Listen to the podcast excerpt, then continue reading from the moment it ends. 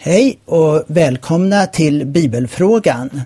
Och eh, vi är ju glada för att vi kan sända den så här och faktiskt är att den går ut som poddradio numera också. Ja, det har den gjort ett tag. Och eh, om du vill hitta den så går du in och, och googlar på datorn eller på din eh, mobiltelefon och så går du in eh, och skriver iTunes Bibelfrågan och så ska det komma fram där. Och faktiskt är att i augusti hade vi 29 000 nedladdningar och i september 37 000 över det i nedladdningar. Så eh, visst har vi blivit lite populära och det kan ju vara roligt på ett sätt. Men eh, nu är det dagens frågor och jag som ska svara heter Hans Gilla och du lyssnar på Radio Adventkyrkan. Den första är så här, varför skulle vår tro ha något med Guds underverk att göra? I Nasaret kunde inte Jesus göra lika många under för deras otros skull. Ja, i Matteus 13 och 58 så läser vi, och han gjorde inte många underverk där eftersom de inte ville tro. Mirakler ser inte ut till att ha ett syfte bara i sig självt.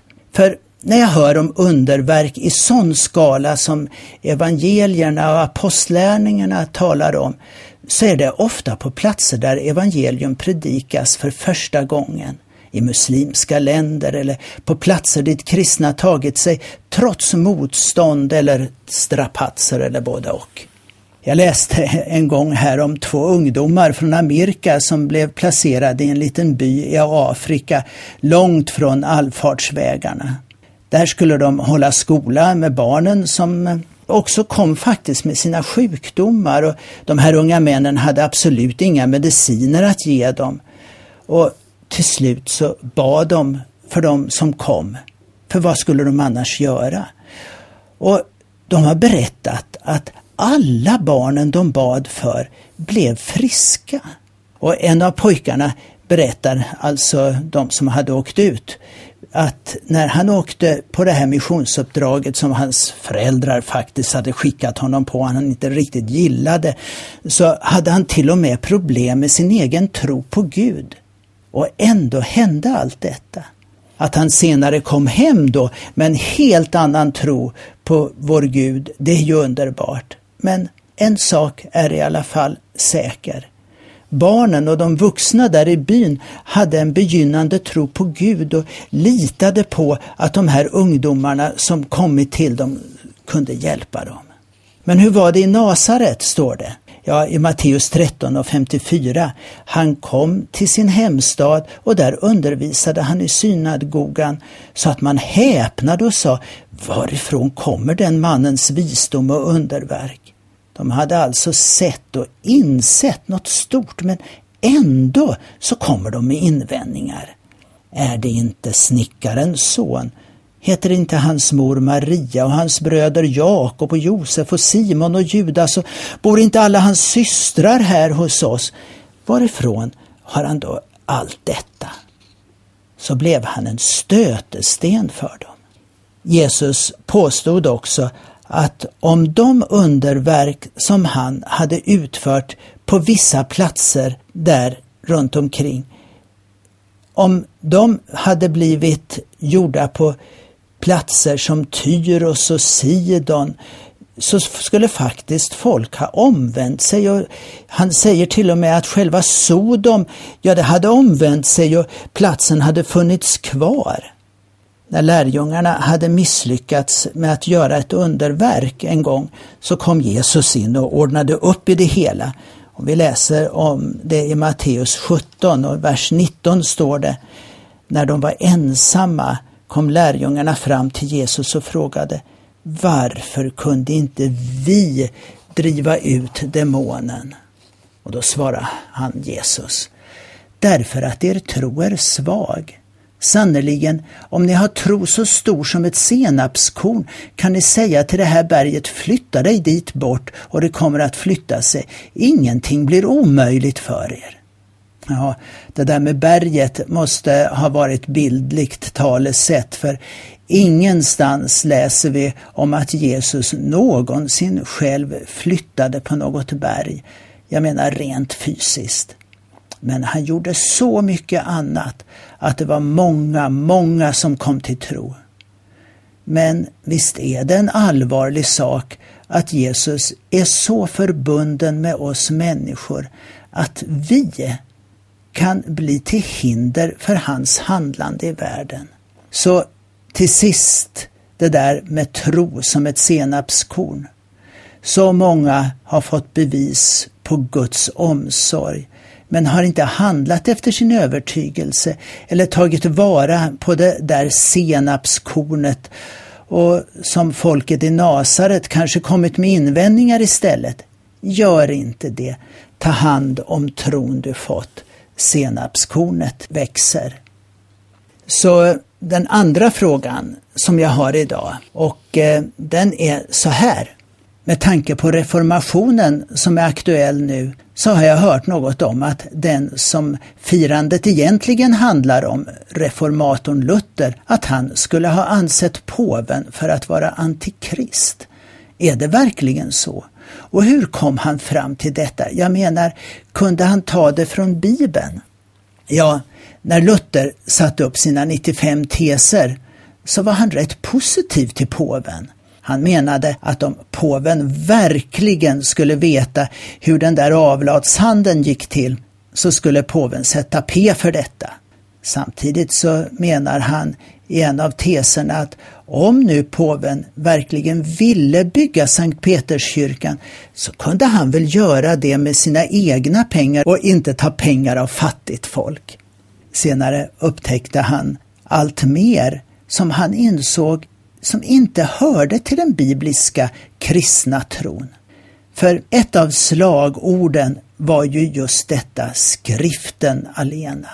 Så hela reformationen var ju sprungen ut ur studiet av Bibeln, inte just då bara utan av många före dem också. Och deras slutsats om påvemakten som institution byggde man också på bibelordet. Det var dessutom fler personer ur reformationens led som kom fram till samma slutsats långt före Luther. Det är viktigt, tycker jag, att se att Luther inte alls var ensam i sin kritik. Det är rätt mastigt nu att gå igenom allt det här, så bara helt kort. En av texterna som Luther gick tillbaka till var Andra Thessalonikerbrevet, det andra kapitlet, vers 3 och 4. Låt inte lura er på något vis. Ty först måste avfallet ske och laglöshetens människa uppenbaras. Undergångens son, motståndaren, han som förhäver sig över allt som kallas Gud eller heligt och sätter sig i Guds tempel och utger sig för att vara Gud. Det man bland annat reagerade på på den här tiden, det var ju påståendet om att påven skulle vara Kristi ställföreträdare på jorden. Så därför kommenterar Luther så här.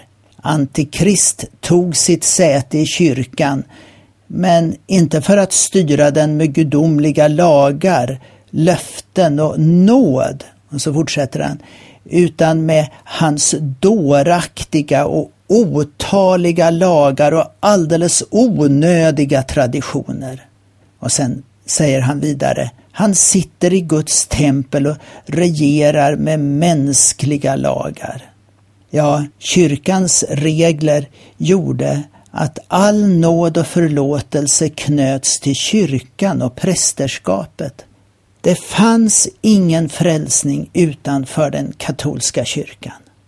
Luther kopplade nu detta i eh, Andra Thessalonikerbrevet med Matteus 5 och 3 där Jesus svarade de skriftlärde Varför bryter ni själva mot Guds bud för era reglers skull? Och Jesu exempel är sedan hur man på den här tiden kunde ge bort till templet det som man borde ha hjälpt sina gamla föräldrar med.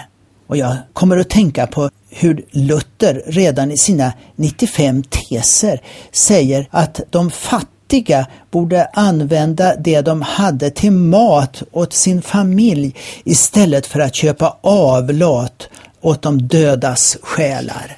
Och Luther skrev senare, påven har inte en hårsbredd makt att förändra det som Kristus har gjort. Och vilket som helst av dessa ting som han ändrar på, det gör han som en tyrann och antikrist. Ja, nog kunde Luther bre på i sitt tal. Allt eftersom förföljelsen av Martin Luther och reformationens folk ökade så blev det här sambandet tydligare för honom, alltså påvemakten och antikrist. Det var ju knappast riktat personligt mot någon särskild person, för det kom ju hela tiden nya personer på den kyrkliga tronen. Nu måste sägas att det faktiskt bara är i Johannes brev som uttrycket antikrist finns. Och där kopplas det främst till läran om Kristus, att Jesus inte skulle ha varit människa på riktigt. Ta till exempel andra Johannes brev 7. Ty många bedragare har gått ut i världen, sådana som inte vill erkänna att Jesus Kristus har kommit i mänsklig gestalt. Där har ni bedragaren Antikrist. En allmän uppfattning genom åren har varit att det är samma fenomen som Johannes kallar för antikrist och som Paulus kallar för den laglöse eller laglöshetens människa som i Thessalonikerbrevet som vi läste. Samtidigt står det då i första Johannes 2.18 när jag hört att en antikrist ska komma och nu har också många antikrister trätt fram. Så här är det inte ens fråga om bara en det här, förstår du, med tolkningen av antikrist är ju lite trixigt. Det är flera kriterier som ska uppfyllas enligt bibelordet. Samtidigt kan man ju säga att bara en eller ett par av de här sakerna som antikrist står för är i sig självt en antikrists anda. Det går ju emot det Jesus lärde. På så sätt kan det finnas flera antikrist. Luther såg att det fanns läror i kyrkan som till exempel skärselden, påven som Kristi ställföreträdare på jorden, avlaten, prästernas celibat med mera som var obibliskt. Dessutom var kyrkan en maktapparat som förföljde oliktänkande. Här har väl knappast Luther själv helt rent mjöl i påsen.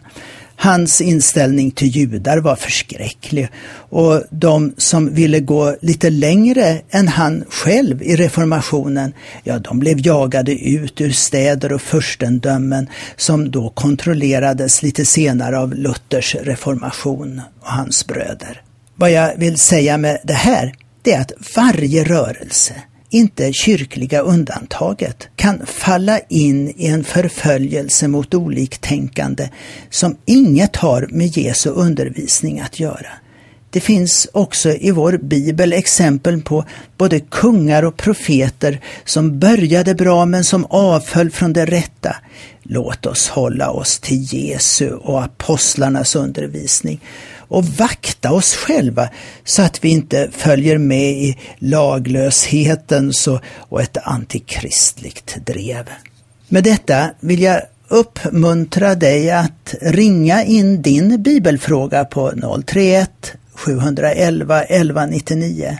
Det går att ringa hela dygnet för då är det en telefonsvarare som tar din fråga. Och Adventkyrkans gudstjänster är på lördagar klockan 11.30 och då går du till Norra Allégatan 6 nära Järntorget. Du har lyssnat på Radio Adventkyrkan. Ja, jag heter Hans Gille.